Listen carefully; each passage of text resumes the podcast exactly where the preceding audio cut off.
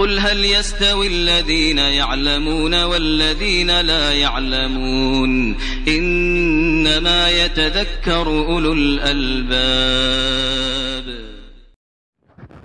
بسم الله الرحمن الرحيم. الحمد لله رب العالمين الصلاة والسلام على أصرف الأنبياء والمرسلين وعلى آله وأصحابه ومن تبعهم بإحسان إلى يوم الدين. أما بعد kaum muslimin dan muslimat yang dirahmati Allah Subhanahu wa taala rahimani wa rahimakumullah. Kita akan melanjutkan pembahasan kita yakni tentang hukum-hukum yang berkaitan dengan sholat di rumah ya.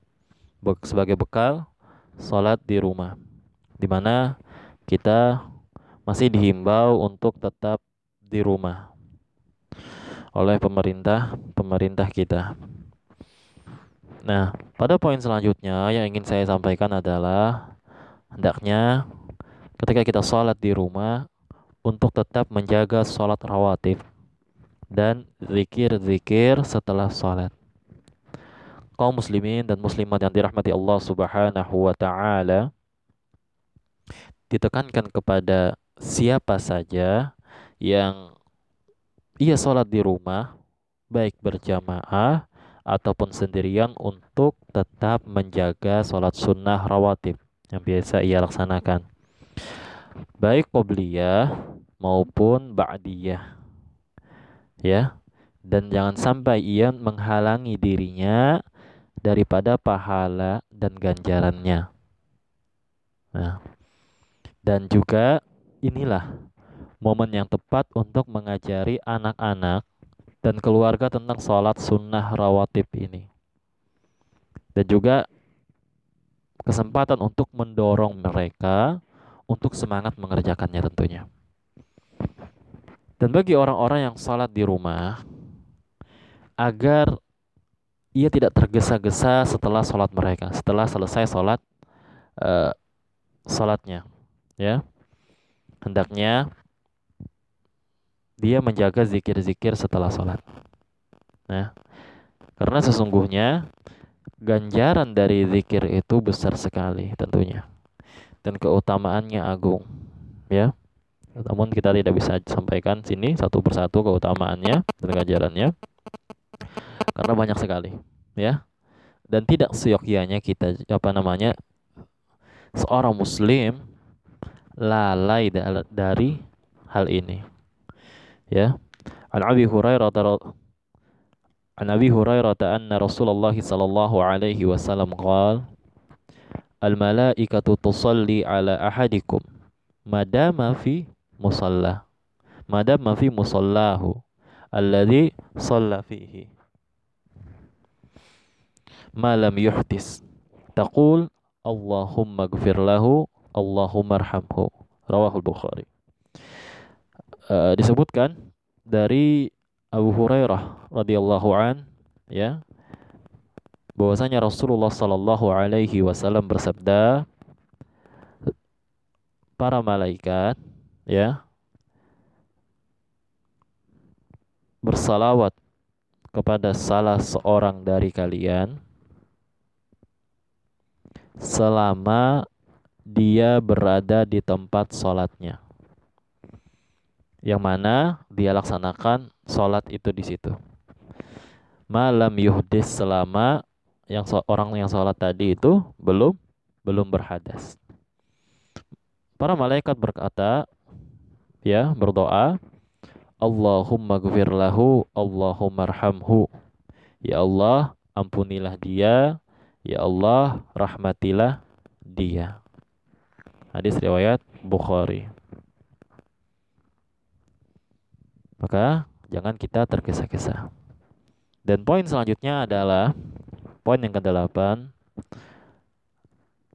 Walaupun kita sholat di rumah, hendaknya kita tetap menekankan pada diri kita agar tetap khusyuk dalam dalam sholat, ya.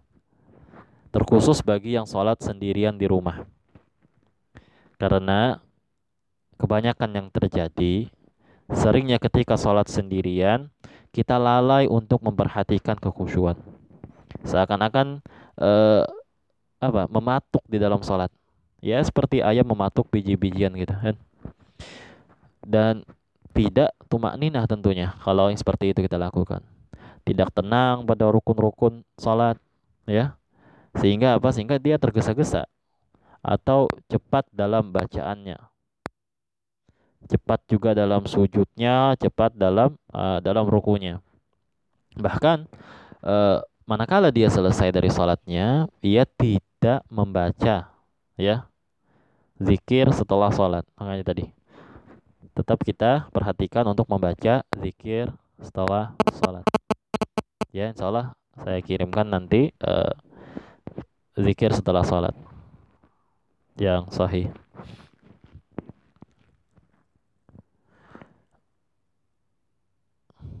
ya bahkan kadang-kadang di dalam sholat orang yang tergesa-gesa itu seakan-akan tidak membaca zikir, membaca doa apa-apa gitu loh. Jadi dia membaca tapi lalu begitu saja karena hafalannya seperti itu. Nah, kayak nggak ada ruhnya. Padahal esensi dari sholat, ya kan? Dan ruhnya sholat itu apa? Sholat, sholat itu apa ruhnya itu khusyuk.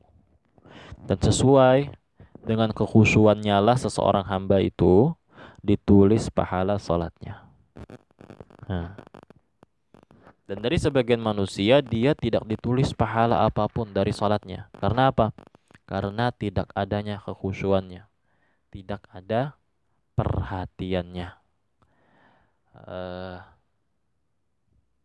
An Abi Sa'id Al-Khudri anna Rasulullah sallallahu alaihi wasallam qala inna aswa an-nas sariqatan alladhi yasriqu salatahu. Dari Abi Sa'id Al-Khudri ya bahwasanya Rasulullah sallallahu alaihi wasallam bersabda sesungguhnya pencuri paling jelek itu adalah ia yang mencuri ya mencuri dalam salatnya atau mencuri salatnya. Qalu para sahabat pun berkata qalu ya Rasulullah Wa kaifa yasriquha? Ya Rasulullah, ya para sahabat bertanya, bagaimana dia mencuri? Mencuri salat? Qala, maka Rasulullah SAW belum menjawab, la yutimma ruku'aha wala sujudaha. Yaitu dengan ia tidak menyempurnakan rukuknya dan tidak menyempurnakan sujudnya. Dan perhatikan, ada sini riwayat Ahmad. Dan perhatikan bahwa tumma nina adalah rukun dalam sholat ya. Jadi jangan tergesa-gesa. Apalagi mengikuti apa yang dikabarkan waktu di TV itu. Salat tarawih yang berapa menit saja ya. Kita kedepankan khusyuk dan berusaha semaksimal mungkin untuk khusyuk. Dan cara khusyuk adalah kita memahami bacaan-bacaan kita.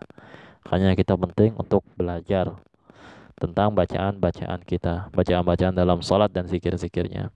Itu saja yang dapat saya sampaikan pada kesempatan kali ini. Semoga mudah dipahami, ya. Uh, semoga Allah Subhanahu wa taala memberikan taufik kepada kita semua. Wassalamualaikum warahmatullahi wabarakatuh.